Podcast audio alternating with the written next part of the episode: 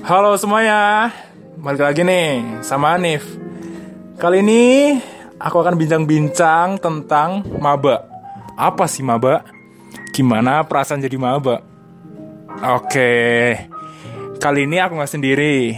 Aku udah didampingi oleh orang-orang yang bisa memberikan inspirasi kepada pendengar. Kenalin dulu nih, sebelah kananku nih. Hey guys, uh, kenalin nama gue Seno Ajudan. Halo guys, perkenalin nama saya Lutfi Hidayat dari Ekonomi Islam 2019 Universitas Diponegoro. Oke, Belum kenalan. kalau aku sendiri antropologi sosial dari Undip angkatan 2019. Em, aku pengen tahu nih, awal mulanya kok bisa sampai masuk Undip itu gimana sih? Emang dari dulu apa udah kepengin atau pengen apa jurusannya bagus gitu? Mulai dari Seno aja. Sebenarnya gue uh, masuk undip ini nggak sengaja sih, karena nyari jurusan yang sesuai dengan passion saya. Tapi Nggak apa, di skip aja gitu. nggak apa, Skip. enggak. Eh, tapi ya dapat nilai SBMPTN-nya ya begini aja, jadi masuk undip aja sih. Oh gitu. Bagus bagus bagus. Kalau Lutfi sendiri sih? Kalau seperti yang kalian tahu ya, aku itu waktu SMA tahunnya itu paling cuma UGM, ITB, sama UI, ITS ya dikit tahu lah. Tahu-tahu undip itu waktu aku gap year sih. Ya sakit sih rasanya gap year, tapi ya aku tetap bangga karena undip itu termasuk salah satu PTN favorit di Indonesia juga. Wah betul banget tuh Lutfi tuh. Bisa jadi ya Lut ya. Nomor berapa kemarin ya? Nomor tiga ya bener ya. Ya nomor tiga dalam hal mencari apa memperoleh pekerjaan terbaik di Indonesia. Wih tepuk tangannya. Kalau aku itu kenapa kenal antropologi? Antropologi itu udah aku pelajarin sejak SMA sih. Ya waktu itu waktu lulus SMP tuh aku kan pengen masuk IPS gitu. Tapi setelah lihat-lihat sendiri aku oh kok jurusan kok jurusannya ada bahasa gitu SMA aku SMA 1 Cilacap. Ya udah aku milih bahasa gitu karena aku lebih suka yang masuk nggak pakai tes gitu. Terus di bahasa itu memang kebetulan pelajari antropologi. Antropologi bagiku itu sering dikira jurusannya orang yang gali-gali batu gitu kayak arkeologi. Kayak mengamati bintang, penunjuk mata angin, itu astronomi, bahkan meramal nasib atau astrologi. Ya mungkin karena namanya mirip kali ya. Orang juga nggak tahu. Padahal itu manusia itu sebagai objek kajian antropologi itu menariknya itu di situ. Memang sih antropologi itu matkul yang udah nggak asing bagi aku karena selama kelas 10 sampai kelas 12 itu belajar terus.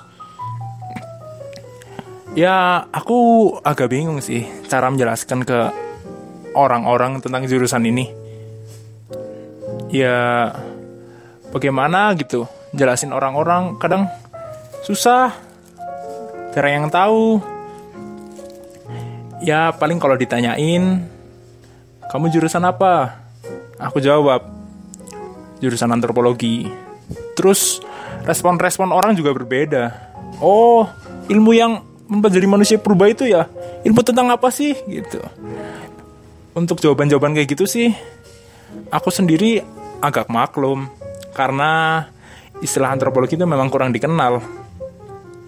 Tapi tetaplah harus aku luruskan. Biasanya sih, aku menjawab singkat itu ilmu budaya gitu. Aku belajar ilmu budaya. Nah, biasanya ya singkatnya itu mempelajari kebudayaan manusia. Kalau ditanya tentang lebih jelasnya, ya kayak berusuk-berusuk desa gitu. Kalau Lutfi sendiri milih prodi aku apa ekonomi Islam itu emang kenapa sih dari awalnya emang suka atau gimana? Ya aku emang jujur ya semenjak SMA itu sangat suka sekali dengan bidang ekonomi Karena di daerahku itu di Cilacap karena aku itu dari desa ya, banyak sekali orang itu yang terjebak dalam riba itu dalam bank. Jadi prinsip-prinsip orang-orang desa itu mereka itu kalau ingin mengembangkan bisnisnya itu harus utang bank. Nanti ujung-ujungnya bukannya bisnisnya maju malah bangkrut karena utangnya terlalu banyak tapi tidak bisa membayar. Jadi aku waktu searching-searching ya waktu malam-malam itu di Undip oh ada ekonomi Islam dan akreditasinya bagus. Wah ini cocok nih buat aku untuk merubah mindset masyarakat sekitar rumahku karena kebanyakan itu keras kepala loh. Jadi kalau insya Allah kalau aku udah lulus, aku akan memberi pencerahan kepada mereka bahwa ada loh bisnis yang nggak perlu pakai riba itu. Jadi aku ingin memperdalam ekonomi Islam supaya aku bisa bermanfaat bagi masyarakat sekitar. Ya gitu aja sih. Oke, penyelesaian yang baik nih. Terus kan udah Lutfi nih. Sekarang aku mau kepoin Seno dong. Gimana sih awal mulanya kok bisa kenal sama jurusan informatika? Apa karena iseng-iseng aja atau saran temen atau gimana nih? Oke, sebelumnya gue tadi kan belum memperkenalkan diri yang saya dari informatika, informatika Undip Siap. 2019. Ya, informatika itu kayak apa ya? Kayak kayak kucing lah. Kayak Kucing anjir. Ya nggak apa-apa, nggak apa-apa sih. ya gitu aja sih. Saya simple. Eh, pada awalnya saya nggak punya basic apa-apa tentang informatika ini. Tapi ya gue ambil-ambil aja supaya karena pada perkembangan zaman ini kan ada namanya perkembangan teknologi dan terdapat revolusi industri yaitu industri 4.0 yang pada ke depannya akan mendukung semua teknisi informatika ya tentunya ya gitu aja sih simple udah nih Udah ya. Oke, makasih Seno. Em, kalau aku dulu milih antropologi itu awalnya kan itu pengumpulan nilai gitu PDSS gitu alias pemangkalan data nilai ya Eh, sekolah ya bener ya. Kemudian setelah disaring gitu, alhamdulillah pas dicek lolos SNM atau tidak lolos Kemudian waktu waktu itu dikasih waktu 10 hari untuk milih kalau nggak salah. Ya terus aku milih itu bingung banget itu waktu pertama kali itu antara UGM atau Undip gitu loh. Ya udah aku kok kenapa tertarik banget bisa masuk Undip gitu loh. Ya awalnya sih coba-coba aja, serius. Banget ya matkul jurusan pertama emang aku pilih antropologi waktu itu terus disusul sama sastra Indonesia antropologi itu waktu itu akreditasinya masih C ya waktu aku milih. Tapi sekarang udah B alhamdulillah. Itu juga disaranin sama temenku ya namanya Pandu. Hai Pandu kalau dengerin ya. Kemudian waktu pengumuman alhamdulillah pilihan pertamanya lolos antropologi. Kalau Lutfi sendiri bisa masuk ekonomi syariah itu gimana sih perjalanannya sih dari awal sih? Oh, kalau aku itu perjalanan masuk ekonomi Islam atau ekonomi syariah itu terbilang cukup rumit ya. Karena dulu waktu aku percobaan SBM pertama itu aku saintek. Milihnya itu teknik geologi sama apa dulu lupa lah. Kalau nggak salah ya teknik informatika lah. UNS sama Unpad. Nah alhamdulillahnya itu nggak lolos lah mungkin Allah itu baik karena aku itu nggak lolos makanya aku masuk ke ekonomi syariah syariah ekonomi Islam yang sesuai dengan passionku selama ini. Terima kasih karena Allah telah mengabulkan doaku selama ini. Oke.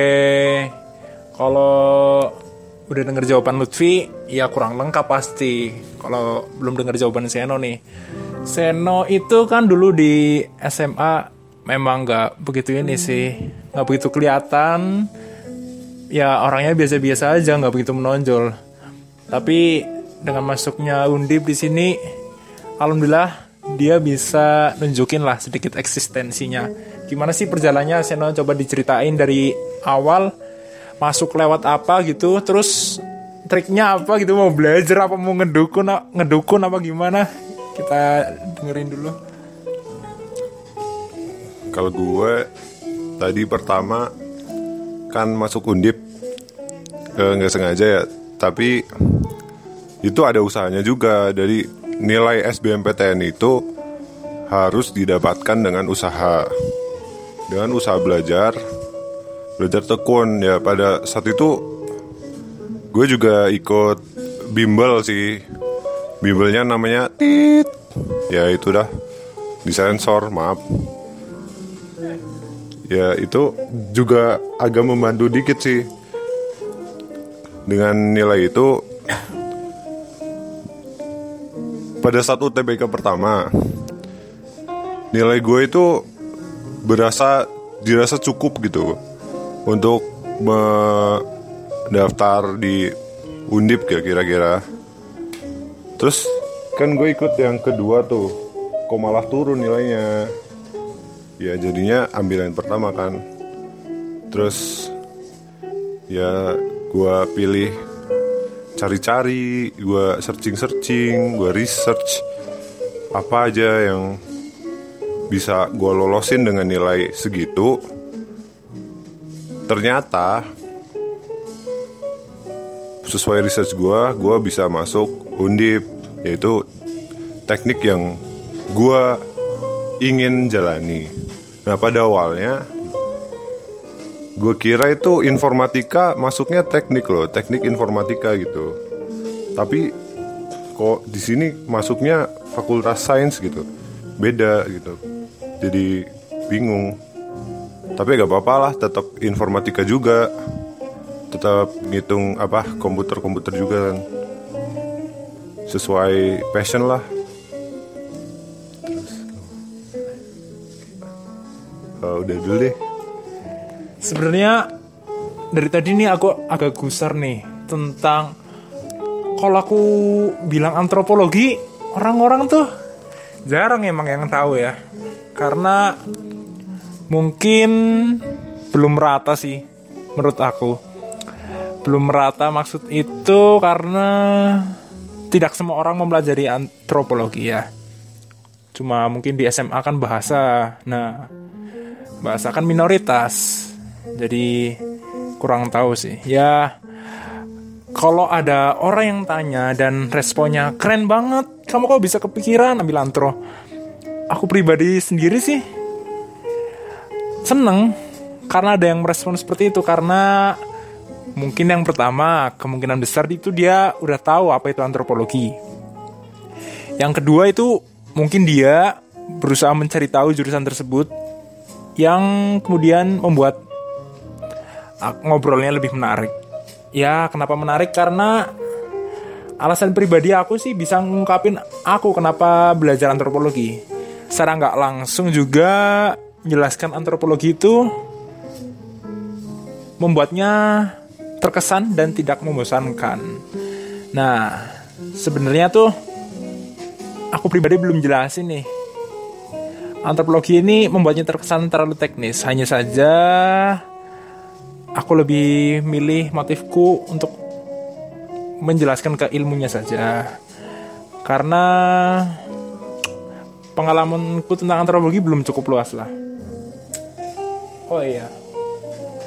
Antropologi itu bagiku sih bukan ilmu yang terkenal, tapi terkenang. Idi, hehe. Uh, aku mau tahu nih. Ekonomi syariah ya. Betul ya? Islam Islam Islam. Ekonomi Islam ya. Ekonomi Islam itu belajar apa aja sih? Terus kenapa senang gitu loh di kelas loh? Apa karena ceweknya? Apa karena dosennya? Coba aku mau tahu nih belajarin apa aja di jurusan itu? Iya, apa bedanya ekonomi Islam sama ekonomi konvensional ya? Bukan hanya dari namanya aja, tapi dari teknis pembelajarannya itu udah beda. Kalau kita di konvensional, kita hanya mempelajari istilahnya itu laba dan rugi saja. Dan mempelajari kayak makro mikro perekonomian. Tapi kalau di ekonomi Islam kita itu selain kita mempelajari makro dan mikro perekonomian, kita itu lebih mendalami tentang hakikat ekonomi itu untuk apa. Karena kita sebagai orang Islam itu pekerjaan yang paling mulia adalah dengan berdagang. Jadi secara tidak langsung kita itu mengikuti sunnah Rasulullah Shallallahu Alaihi Wasallam dengan mempelajari ekonomi Islam. Jadi kita tahu kaidah-kaidah dalam jual beli yang benar, cara cara mengatur keuangan, juga cara membantu orang. Jadi selain kita dapat ilmunya, kita juga dapat keberkahannya dan semoga insya Allah saya setelah lulus dari ekonomi Islam bisa membantu masyarakat sekitar dan khususnya itu sekitar lingkungan rumah saya. Makanya doakan ya teman-teman. Oke, siap, pasti do- didoakan. Nah, tadi udah Lutfi nih menjelasin. Terus kemudian tinggal Seno nih. Dalam informatika itu kan, informatikanya Seno itu murni, bukan teknik. Apa aja sih yang buat kamu seneng terus banyak kendala nggak di jurusan itu? Kayak misal ada yang susah matkulnya atau apa yang buat bosen di kelas, yang buat gusar, yang buat geram. Coba, pengen tahu aku. Kalau senengnya di informatika itu kita di IF itu learn something new gitu kan. Belajar hal yang baru gitu nggak pernah melihat apa itu coding-coding sebelumnya gua. Jadi di hal yang baru itu saya excited banget doh. Jadi rasanya agak terpacu untuk semangat belajar. Nah, terus senengnya lagi teman-temannya itu solid loh. Walaupun FSM FSM bukan teknik tapi kegiatan-kegiatan ospek-ospeknya itu berasa teknik lumayan. Jadi nggak terlalu santuy harus solid seangkatan gitu kan. Satu angkatan itu berapa siswa, Sen? Eh, kalau di IF gua 136. Kemarin pas pertamanya itu 141 ya. Terus ada yang keluar Oh, sama dong. Waktu itu 141 juga ada yang keluar ya jadiku. masuk stan gitu kan. Iya, mungkin dia lebih bahagia sama yang baru. Wah, Waduh, parah sih ya. Bucin guys. sakit sih parah sih. Iya. Belum belum selesai. Belum selesai. Terus eh, kendalanya ya kendala gua itu paling gua masih belum nyaman di lingkungan ini. Masih belum dapat comfort zone aja sih. Jadi belum bisa mengekspresikan diri secara maksimal di lingkungan kampus. Ya udah deh. Kalau Lutfi sendiri nih, eh gimana sih teman-temannya kalau di jurusan itu atau ada yang nyebelin apa-apa cerita-cerita aja dari jumlah siswanya, terus ada yang keluar apa enggak gitu, coba. Ya kalau di ekonomi Islam tersendiri ya ada siswa totalnya itu 152 juga ada yang keluar empat anak karena ada yang masuk setan ada yang masuk UI ya gitulah. Tahu kan kalau maba itu ambisius orang-orangnya ya kalau tadi pertanyaannya anak-anaknya ekonomi Islam. Ekonomi ya seperti pada umumnya ya pasti ada yang nyebelin ada yang asik ada yang gaptek juga. Tapi overall sih menurutku anak ekonomi Islam itu ya baik-baik sih. Pada ambis juga pada rajin beribadah. Ya semoga aja aku di ekonomi Islam ini bisa terpacu lagi untuk lebih baik lagi ke depannya. Dan juga aku sukanya ekonomi Islam Undip itu ya sangat prestatif sekali. Karena alhamdulillah tahun ini itu ada yang dapat emas di Pimnas ke-32 di Udayana Bali. Kan kalian tahu sendiri kan, Pimnas itu adalah ajang paling bergengsi mahasiswa se-Indonesia karena diadakan langsung oleh Ristek Dikti. Oke, adik kelasku yang dengerin ini silakan milih Ekonomi Islam Undip 2019. Oke, siap. Kalau aku nih antropologi itu jumlah siswanya 141 ya. Terus beberapa ada yang keluar. nggak tahu mungkin ya semoga aja jalannya. Semoga diberi kebahagiaan bersama lingkungan-lingkungan baru. Banyak nih yang nanya kalau lulus mau jadi apa sih? Terus ya aku jawab nih. Kalau nyari kerjaan itu kan jalani aja pokoknya ya jalani aja dan banyak sih prospek kerjanya tuh terus ini jurusan ini itu melibatkan penelitian-penelitian ke pelosok Indonesia pasti ya. Terus jurusan ini tuh nggak sekedar teori doang tapi kita harus survive di lapangan ya. Dan penelitian itu wajib. Kalau misal membuat penelitian anak antro itu tuh kadang-kadang suka keterbatasan komunikasi karena tidak ada sinyal ya karena di pelosok-pelosok aduh pokoknya pacaran sama anak antro tuh nggak bakal rugi deh karena kamu bukan pacaran bukan kenalan sama orang yang lama orang yang kuno tapi orang yang punya filosofi tentang apa itu kebudayaan dan arti kehidupan lebih lanjut. Ini. nih eh eh, lingkungan pergaulan di Semarang ya kita bahas ya. Kan tadi udah bahas-bahas tentang jurusan nih. Lingkungan di Semarang nih. Bisa nggak sih coba ceritain gimana perbedaan di Semarang sama di Cilacap dalam dalam kehidupan sosial masyarakatnya? Gimana? Coba dari Seno dulu Kalau gue ngerasa di Semarang ini bener-bener keras sih. Orang-orangnya itu kayak dilihat dari cara berkendara di jalan raya aja udah kelihatan bahwa mereka itu barbar semua buru-buru. Mereka kayak pokoknya ngegasan lah. Barbarnya kayak apa contohnya? Ya kayak tadi kan mau ke kayak itu ya ke Burjo mau belok kanan. Terus terus. Terus agak nutupin mbak-mbak dikit tuh. Langsung diliatin sini sanjir. Terus sering juga dikelaksonin di kau dibentak pernah nggak? Dibentak. Oh sering itu anjir. Apalagi sama ibu-ibu itu. Sebel banget parah dah. Eh, ya udah sih apalagi. Gitu aja paling ya. Eh, dari Lutfi nih selama tinggal di Semarang. Ada nggak sih perbedaan-perbedaan yang mencolok. Selama kamu di kampung yang biasa aja tuh di Cilacap adem tentrem sekarang pindah ke kota besar gimana sih? Apa gitu loh kan be- belum setahun nih belum genap setahun masih mau enam bulan nih. Gimana rasanya sih?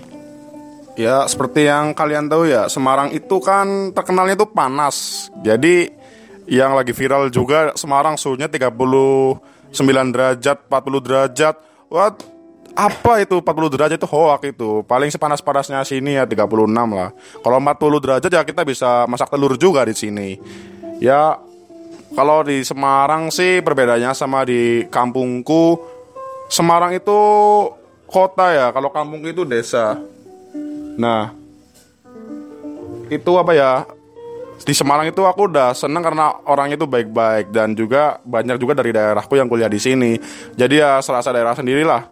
Cuma bedanya di sini itu undip karena aku di undip ya ceweknya itu cantik cantik jadi setiap keluar malam itu ah subah masya Allah orang-orangnya itu bisa buat cuci mata ya mungkin itu sih untuk kalau apa in- interestku tentang Semarang Oke, ini kan kita kita kan maba nih yang mau mengakhiri semester 1 di bulan Desember ya. Desember. Ya, Des- Desember.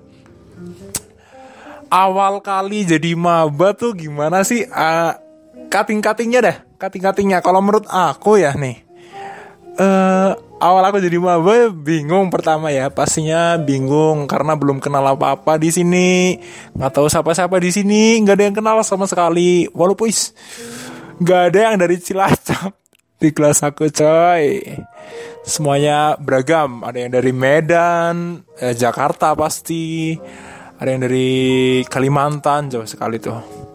Pokoknya tersebar luas lah di Indonesia. Aku ngerasain jadi maba di sini tuh ya seneng sih. Awalnya bisa kenalan sama teman-teman baru yang dari luar kota. Bisa nambah pengalaman juga. Bisa main bareng juga. Main barengnya juga ke daerah-daerah mereka. Dari Kudus ada yang dari Indramayu dan lain-lain.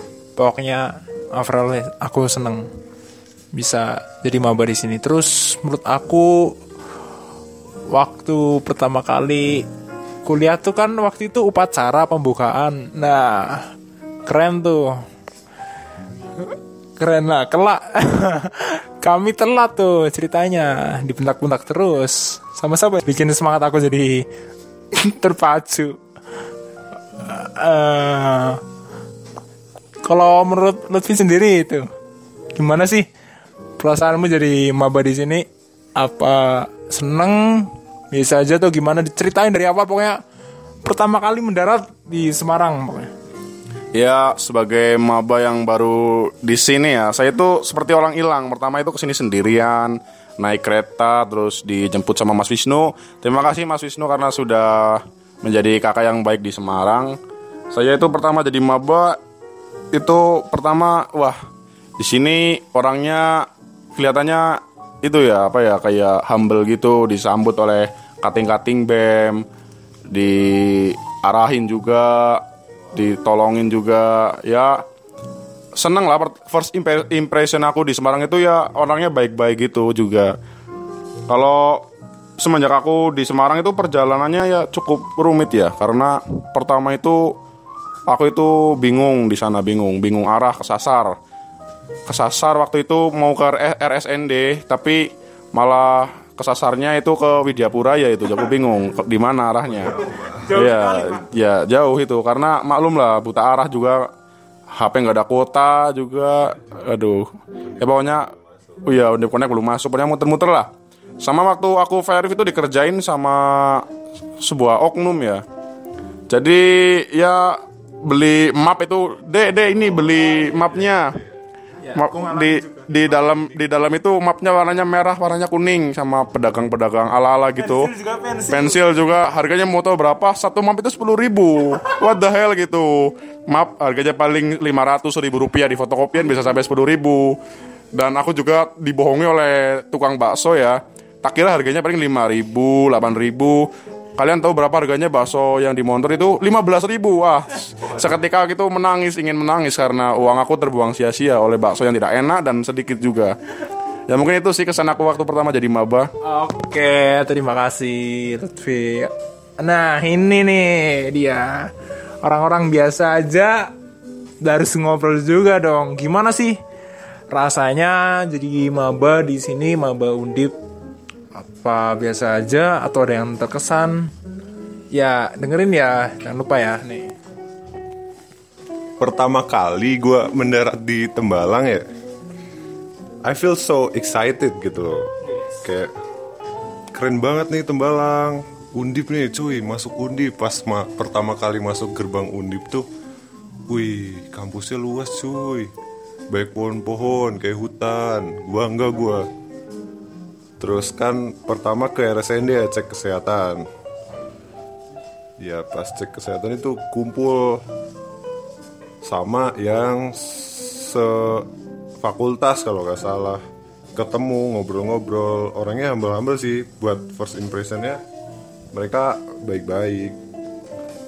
Jadi gue merasa nyaman aja dulu.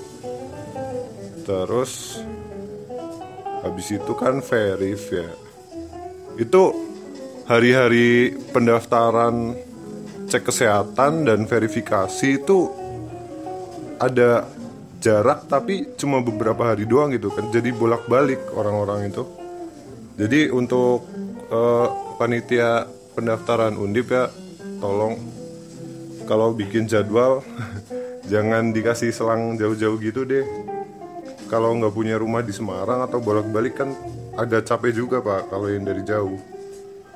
Kalau nggak nyari kos dulu sih. Biasanya orang tua itu nggak mau ninggalin anak sebelum anaknya itu kuliah kan.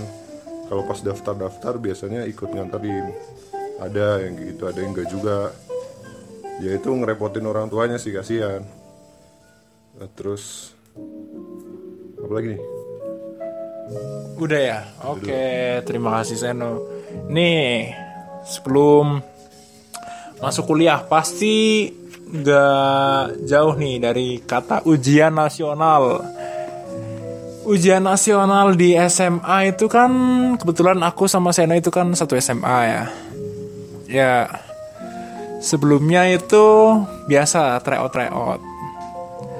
Yang aku lebih senangnya dari ujian nasional waktu itu kan kebetulan suruh milih ya satu mata pelajaran pilihan. Aku milih antropologi karena memang dari kelas 10 gitu aduh aku udah ngerasain kok ini jurusan sesuai banget ya sama aku, sesuai passion aku gitu loh. Karena setiap mata kuliah eh mata kuliah, mata pelajaran antropologi ini aku nggak pernah ngerasain tuh yang namanya ngantuk. Mungkin karena gurunya yang bagus, yang dalam menerangkan, dalam menjelaskan pelajaran itu menarik, atau karena isi pelajarannya di SMA sendiri sih antropologi itu masih baru dijelaskan secara umumnya ya, belum spesifik-spesifiknya. Ya tetap sih itu walaupun kata orang bikin pusing, kata orang nggak guna, tapi ya nggak usah didengerin cemohan-cemohan kayak gitu. Cuek aja. Yang penting kita tetap bisa berusaha dan belajar yang terbaik buat ujian nasional. Dan yang belum ujian nasional semangat buat ujian ta nasional tahun 2020. Oke. Nih, aku mau tanya-tanya nih sama Lutfi nih, gimana sih? Dulu ujian nasional mata pelaj mata pelajaran pilihannya apa? Terus ada nggak sih hal-hal yang nyeleneh gitu, hal-hal yang unik selama ujian nasional berlangsung, selama tryout atau pelatihan atau jam tambahan? Ada nggak sih hal-hal yang bikin kamu buat ingat terus gitu? Ya, oke ya. Kalau ujian menyinggung ujian nasional itu menurut aku hal yang paling buruk dalam hidup ya. Karena kan kalian tahu ujian nasional itu nggak menentukan kelulusan. Jadi karena kebijakan tersebut itu semua motivasi dalam diriku khususnya dan semuanya lah ya pada umumnya juga itu jadi males gitu. Karena ah ngapain sih mikirin UN nggak masuk kelulusan juga? Mending kita belajar SBM lah kita belajar untuk masuk stan atau masuk kedinasan lainnya. Jadi aku itu pilihannya itu kan fisika ya. Karena aku itu milihnya itu salah Jadi aku nilainya itu dikit Rata-rata aku itu cuma nggak sampai 7 Cuma 6 lebih gitu lah. Jadi cuma 25, berapa gitu. Sebenarnya aku itu nilai paling kecil di fisika itu. Wah jelek banget, aib banget. Aku cuma ketolong sama bahasa Indonesia dan bahasa Inggris. Jadi untuk kalian ya Jangan tiru aku ya. Kalian terus fokus dalam ujian nasional Karena hijazah itu untuk seumur hidup. Nanti kalau kalian marahin anak kalian kok nilai matematikamu jelek kok fisikamu jelek lah kan bapak juga bapak nilainya berapa? Ngaca dong pak. Nah gitu. Makanya ijazah itu penting juga walaupun nggak menentukan kelulusan. Karena nanti dipajang juga kan bisa buat bangga sama anak istri kan. Wah dulu bapak nih nilainya 100 nah makanya semangat untuk belajar ya adik-adikku ya. Oke siap. Jawabannya emang lucu Lucu ya. Um, Sekarang. Yang temen satu sekolah aja deh. Gimana ujian-ujian nasional bro? Kalau gue sih uh, melihat ujian nasional ini merasa seneng gitu. Kayak enak banget apa? Soalnya mapel pilihan gue pada saat itu kan fisika ya sama kayak Mas Lutfi ya kan. Tapi gue merasa uh, physics is my life gitu kok uh, saya merasa gue gue merasa bisa mendalami fisika dengan baik gitu.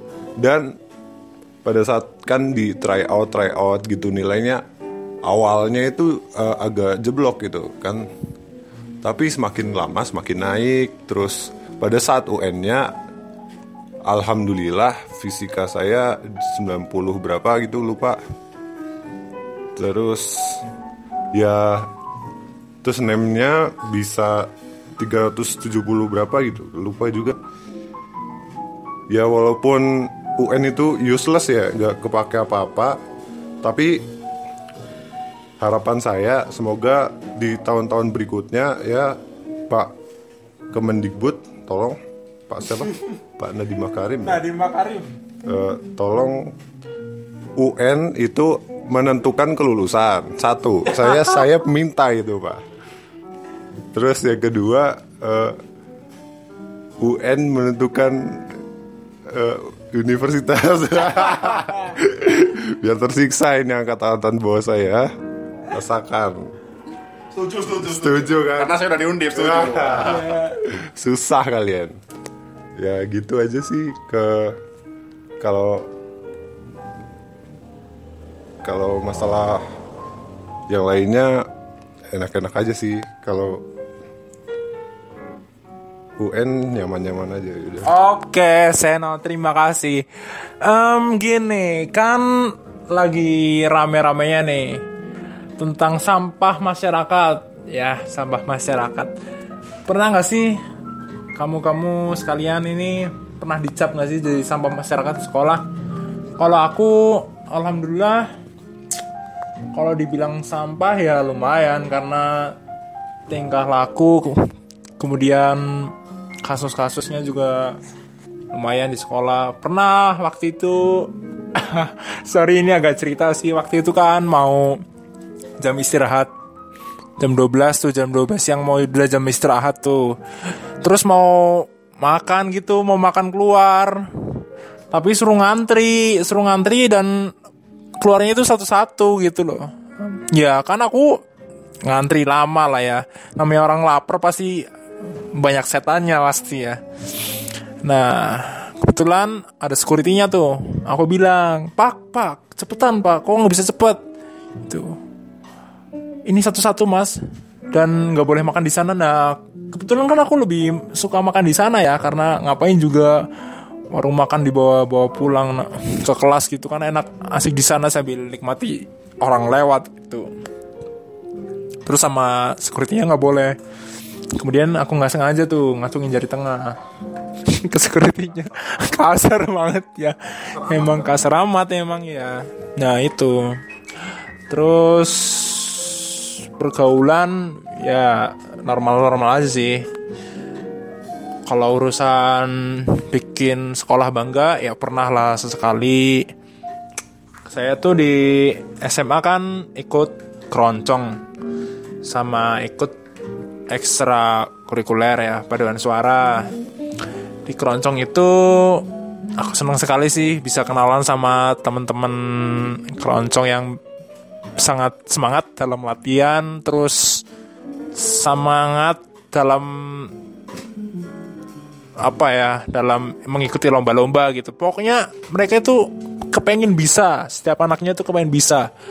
Kami kami itu belajar dari nol sampai akhirnya ya bisa dikatakan sudah cukup bisa untuk memainkan sebuah alat musik keroncong. Eh prestasi di sekolah itu hmm, nggak terlalu banyak sih tapi ya lumayan sih. Pertama tuh juara satu nasional. Waktu itu lomba di Cibubur. Juara satu nasional keroncong terus juara dua nasional vokal grup bahasa Prancis di UNY waktu itu juara dua terus waktu waktu paduan suara ikut tuh lomba perlombaan waktu itu di unsut. Alhamdulillah dapat medali perak. Ya medali perak. Ya apa ya dengan kehadiran prestasi-prestasi itu bu- bukan membuat aku sombong tapi em, membuat aku merasa aku belum ada apa-apanya dan pe- kepengen semangat belajar terus untuk terus berkarya ke depannya. Em, sekarang aku mau tanya nih sama si Lutfi, apa tanggapanmu sih tentang sampah masyarakat di sekolah dan kamu itu udah bisa banggain apa aja buat sekolahmu dan pernah nggak sih kasus-kasus kayak gitu pernah kasus-kasus yang bener-bener bad banget sih. Menurutmu gimana? Ya, kalau disinggung tentang masalah masa, masalah sampah masyarakat ya, bagiku itu sampah masyarakat itu nggak ada. Adanya itu mereka itu manusia biasa yang kekurangan perhatian dari orang tua dan lingkungan mereka. Jadi sebaiknya kalau ada dalam tanda kutip sampah masyarakat, kita itu jangan ngejudge mereka dengan hal-hal yang buruk. Harusnya kita tuh membimbing mereka untuk menjadi lebih baik supaya mereka tidak menjadi-jadi dan malah bisa membuat onar di lingkungan juga. Nah kalau disinggung tentang prestasi di sekolah, ya bukannya mau sombong ya. Dulu aku itu ya ketua OSIS SMA, jadi banyak mewakili sekolah untuk ke delegasi-delegasi, forum-forum nasional juga pernah, antar kabupaten juga pernah.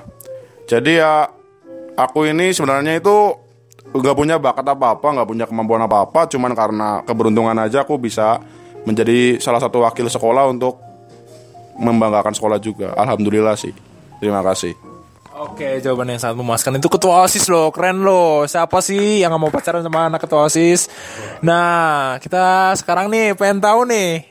Gimana sih bro, bro Seno nih? Anak-anak biasa aja nih, nih anak-anak sok-sokan ya. Gimana sih manfaat kamu di sekolah? Apa yang udah kamu berikan ke sekolah ke SMA-mu? SMA Negeri 1 Cilacap ya, pastinya. Dengerin dong. Eh, sebelumnya tentang pernyataan sampah masyarakat, gue setuju sama statementnya dari Lutfi kan. Sama masyarakat itu nggak ada. Jadi, gue sebagai eh, siswa yang merasa sebagai salah satu dari sampah itu bukanlah sampah. Ya, untuk hal-hal yang bisa membanggakan sekolah, kayaknya gue nggak perlu turun tangan deh buat itu kayak nanti sekolahnya kesenangan gitu kalau kalau kita buat uh, apa gitu nanti yang ngambil juaranya yang bangga yang dapat penghargaan juga sekolahnya ya gue nggak setuju sih sama gitu gitu jadi merasa gak cocok aja sih Betul betul tuh. Sampai ya. saat ini nih, Iya. piala-piala piala aku tuh masih disimpan sampai sekolah tuh, nggak boleh dibawa pulang cuy. Ya, iyalah. Jadi nggak usah bangga bangga banget lah. Tetap aja tetap jadi orang rendah hati ya. liberalis aja cuy santuy gitu loh kayak gimana ya gak usah dipikir harus bangga nih harus juara harus membanggakan sekolah sekolah nama sekolah harus lebih baik harus paling baik di antara sekolah lainnya ya enggak juga sih Eh, kita hidup untuk menikmati hidup ini kan? Ya jadi di bawah santai aja. Tapi kalau kalian menikmati ikut lomba-lomba itu silahkan sih. Kalau gue sih up. Gue up. Ya kata Plante sih up. Terus untuk eh ya itu aja Oke, jawaban yang sangat sangat apa gitu. Oke ya. Ya untuk terakhir ini sebelum penutupan ini aku mau ngasih kesan dan pesan eh, untuk adik-adik kelas yang mau kuliah nih. Kalau menurut aku nih, kalau di SMA tuh belajar yang bener deh. Serius belajar yang bener. Banyak teman-teman aku yang kebetulan itu nyesel karena dulunya nggak belajar nyesel. Pasti banyak penyesalan lah. Belajar terus dikurangin mainnya pastinya ya dikurangin mainnya perbanyak doanya. Ikut-ikutlah bimbel buat ngisi kegiatan. Terus kurang yang lagi pacaran dimohon untuk break dulu sebentar karena mungkin ya sebagian orang pacaran itu dapat mengganggu dan sebagian orang lagi pacaran itu bisa bikin kita semangat. Ya gimana kalian aja sih? Mungkin ada pesan dari Lutfi buat adik-adik kelas yang mau ujian dan mau masuk dunia perkuliahan gimana Ya, untuk adik-adik kelasku aku ada satu kata motivasi ya. Ingat, kalian itu bodoh. Jadi kalian itu harus belajar supaya nanti kalian bisa masuk perguruan tinggi sesuai yang kalian inginkan sesuai dengan minat dan bakat kalian. Jadi nggak usah gaya-gayaan deh sekarang. Sekarang ditanya masuk ke mana, pengen ke UGM, pengen ke mana, tapi usahanya itu nggak ada ya sama aja kalian itu mempermalukan diri kalian sendiri. Jadi kalau kalian ingin sesuai dengan yang kalian inginkan harus belajar dari sekarang. Semangat belajar, oke? Dan semoga bisa masuk undip juga biar nyusul aku juga. Oke. Dari Seno ada pesan dan kesan untuk ada amanat nggak sih buat adik-adik kelas Seno tentang yang mau kuliah dan mau ikuti ujian nasional nih? Kalau dari gue, uh, buat adik-adik kelas nih yang mau ikut ujian nasional, kalian harus tetap santuy aja, jangan terlalu strict buat, jangan uh, tertekan, jangan stres gitu kalau mikirin ujian nasional, karena itu kan nggak berpengaruh apa-apa. Jadi kita juga, eh kalian juga harus mikir tentang perguruan tinggi itu. Karena itu menurut gue lebih penting kan. Ya kalian semua juga pikir gitu pasti. Terus untuk ke perguruan tingginya uh, satu kata dari gue sih berjuang aja. Jangan sampai patah semangat.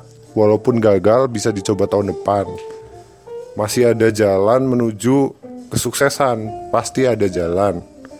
Jadi jangan kalau gagal itu jangan menyerah terus udahlah selesailah gue gak mau garap lagi gak mau kerja lagi. Eh, jangan gitu. Harus ada itu dan untuk perencanaan ke depannya itu harus direncanakan secara matang. Jadi kalau misal kita pertama ikut SNM daftar undip terus ditolak terus SBM-nya harus direncanakan juga. SBM-nya mana aja. Terus kalau misal kita mikir yang pahit-pahitnya aja ya. Kayak ditolak SBM juga itu harus mikir lagi buat ke depannya mau daftar mana lagi dan belajarnya gimana lagi berjuang lagi kan ya itu aja sih